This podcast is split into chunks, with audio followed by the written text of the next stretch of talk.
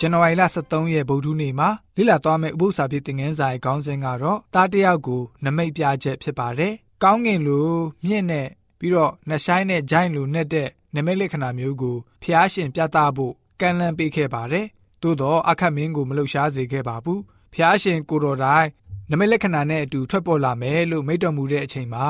ကျွန်တော်တို့မျှော်လင့်တာကတော့ဖျားရှင်ကိုတော်တိုင်အလိုအလျောက်ပြုတော်မူမယ်လို့တွေးဆကြပါတယ်။ တားတယောက်ရဲ့နမိတ်ပြချက်အပေါ်မှာအံ့ဩဖွယ်ရှိပါတယ်။သို့တော့အပြုတ်ကညာတယောက်တားယောက်ျားကိုမွေးဖွားလာပြီးတော့အီမာနွေလာလို့အမိမဲ့ခေါ်တဲ့တမန်ကျမ်းစာရဲ့နမိတ်လက္ခဏာအကြောင်းဖတ်ရှုတွေ့ရှိနိုင်ပါတယ်။အမျိုးသမီးကဘယ်သူဖြစ်တယ်လဲ။တားငယ်ကရောဘယ်သူဖြစ်ပါသလဲ။ဟေရှာနာဂတိကျမ်းခန်းကြီး၄အငယ်၁၄ကိုဖတ်ပါမယ်။ထို့ကြောင့်ထာဝရဘုရားသည်ကိုတော်တိုင်နမိတ်လက္ခဏာကိုသင်တို့အားပေးတော်မူမည်ကြည့်ရှုလော့ သူတို့သမီးကညာသည်ပရိသတ်တွေဆွဲယူ၍တားယောက်ျားကိုဖွားမြင်လက်တက်ထိုသားကိုအီမာနွေလအမည်ဖြင့်မှဲ့ရလက်တန်းဆိုပြီးတော့တွေ့ရပါတယ်ဓမ္မဟောင်းကာလမှာနမိတ်လက္ခဏာဖော်ပြပြည့်စုံတာနဲ့လူတွေကိုဖျားရှင်နမိတ်ပြတဲ့အကြောင်းကို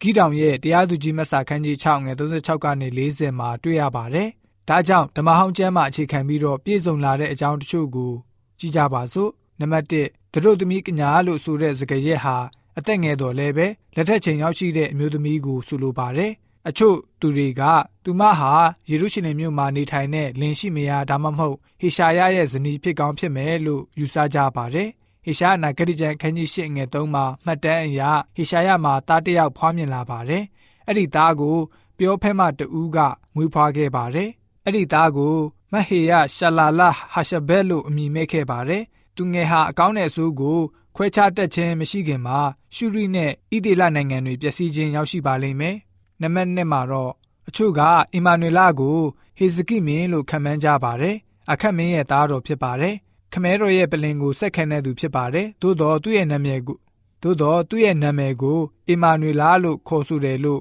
မတွေ့ရပါဘူး။နံပါတ်3အချက်မှာတော့အီမာနွေလဆိုတဲ့သူရဲ့အမည်ဟာနည်းနည်းလာပြီးတော့ဖျားသခင်ဟာငါတို့နဲ့အတူရှိတယ်လို့အဓိပ္ပာယ်ဖွင့်ကြပါတယ်။ ထာဝရဘုရားသခင်ရဲ့ရှေ့တော်မှာဟိရှားအနာဂတိကျမ်းခန်းကြီး9နဲ့အခန်းကြီး7အရာအထူးပြောဖက်ပြုထားတဲ့သားဖြစ်ပါတယ်ဖះလိုချီးမြှောက်ခံရမယ်။ယေရှဲရဲ့အငုတ်ကနေပေါ်ထွက်လာမယ်။ဟေဇကိဟာမင်းကောင်းတစ်ပါးဖြစ်နေသည့်တိုင်အောင်အီမာနွေလရဲ့အကြောင်းနဲ့လုံးလုံးကိုက်ညီမှုမရှိပါဘူး။နံပါတ်၄အချက်မှာတော့ထိမ်းမြလက်ထပ်ဖို့အချိန်ရောက်နေတဲ့အမျိုးသမီးဟာလက်ထပ်ခြင်းမရှိဘဲနဲ့အပြုကညာဘဝနဲ့ကလေးမွေးဖွားတဲ့သဘာဝနဲ့ဆန့်ကျင်ပြီးတော့တရားလမ်းမမှန်ပါဘူး။ အဲ့လိုမွေးဖွားလာတဲ့သားကူမှဖះရှင်ဟာယုံကြည်ခြင်းအစစ်အမှန်နမိတ်လို့ဘာကြောင့်ဆိုရတာလဲ။ဓမ္မသစ်ကနေဖော်ပြတဲ့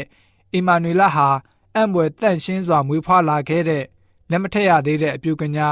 အပြူရင်မပြတ်သေးတဲ့ကညာဖြစ်ပါတယ်။ယေရှုဟာဖျားသခင်ရဲ့သားလည်းဖြစ်ပါတယ်။အီမာနွေလာလို့အခက်မင်းကိုကြိုတင်ပြောပြီးတော့ပြောဖက်ပြုချက်တွေပြည့်စုံခဲ့တဲ့သူဟာခရစ်တော်ရဲ့ရှေ့ပြေးလာသူပုဂ္ဂိုလ်ဖြစ်ကောင်းဖြစ်ပါလိမ့်မယ်ကျွန်တော်တို့မသိနိုင်ပါဘူးသို့တော့ကျွန်တော်တို့ သိဖို့လိုတာကတော့ဂလာတိဩရဇခန်းကြီးလေးအငယ်၄နဲ့၅မှာဆိုရင်အချိန်ကာလစေသောအခါငါတို့သည်တာဤအခွင့်အရာကိုခံရမည်အကြောင်းမိမဝမ်း၌ပရိသတ်တေယူ၍ပြည့်ညက်တရားအောက်၌ဖွားမြင်ရသောသားတော်ကိုဖျားသခင်သည်ဆေလွတ်တော်မူ၏ဆိုပြီးတော့တွေ့ရပါတယ်။လူစားတိကိုခံယူဖို့ခရစ်တော်ကြွလာတော်မူခဲ့ပါတယ်။ကြောက်မဲ့ဖွယ်ကောင်းတဲ့ကဘာကြီးရဲ့အခြေအနေမှာခုနာကခရစ်တော်ရဲ့လူစားတိခံကြွလာခြင်းဟာကျွန်တော်တို့ကိုဘယ်လိုမျိုးစိတ်သက်သာခြင်းအခွင့်ကိုပေးသလဲ။ ကဘာပေါ်မှာရှိတဲ့လူသားအလုံးအတွက်ခရစ်တော်ရဲ့လူစားတိခံကြွလာတော်မူခြင်းဟာဆိုရင်တော့ကြီးမားတဲ့မင်္ဂလာကိုဖြစ်စေပါတယ်။ဒီတို့ကြောင့်ကျွန်တော်တို့ယဉ်ကျေးသူများအနေနဲ့ဖျားရှင်ရဲ့ကယ်တင်ခြင်းစီမံကိန်းကို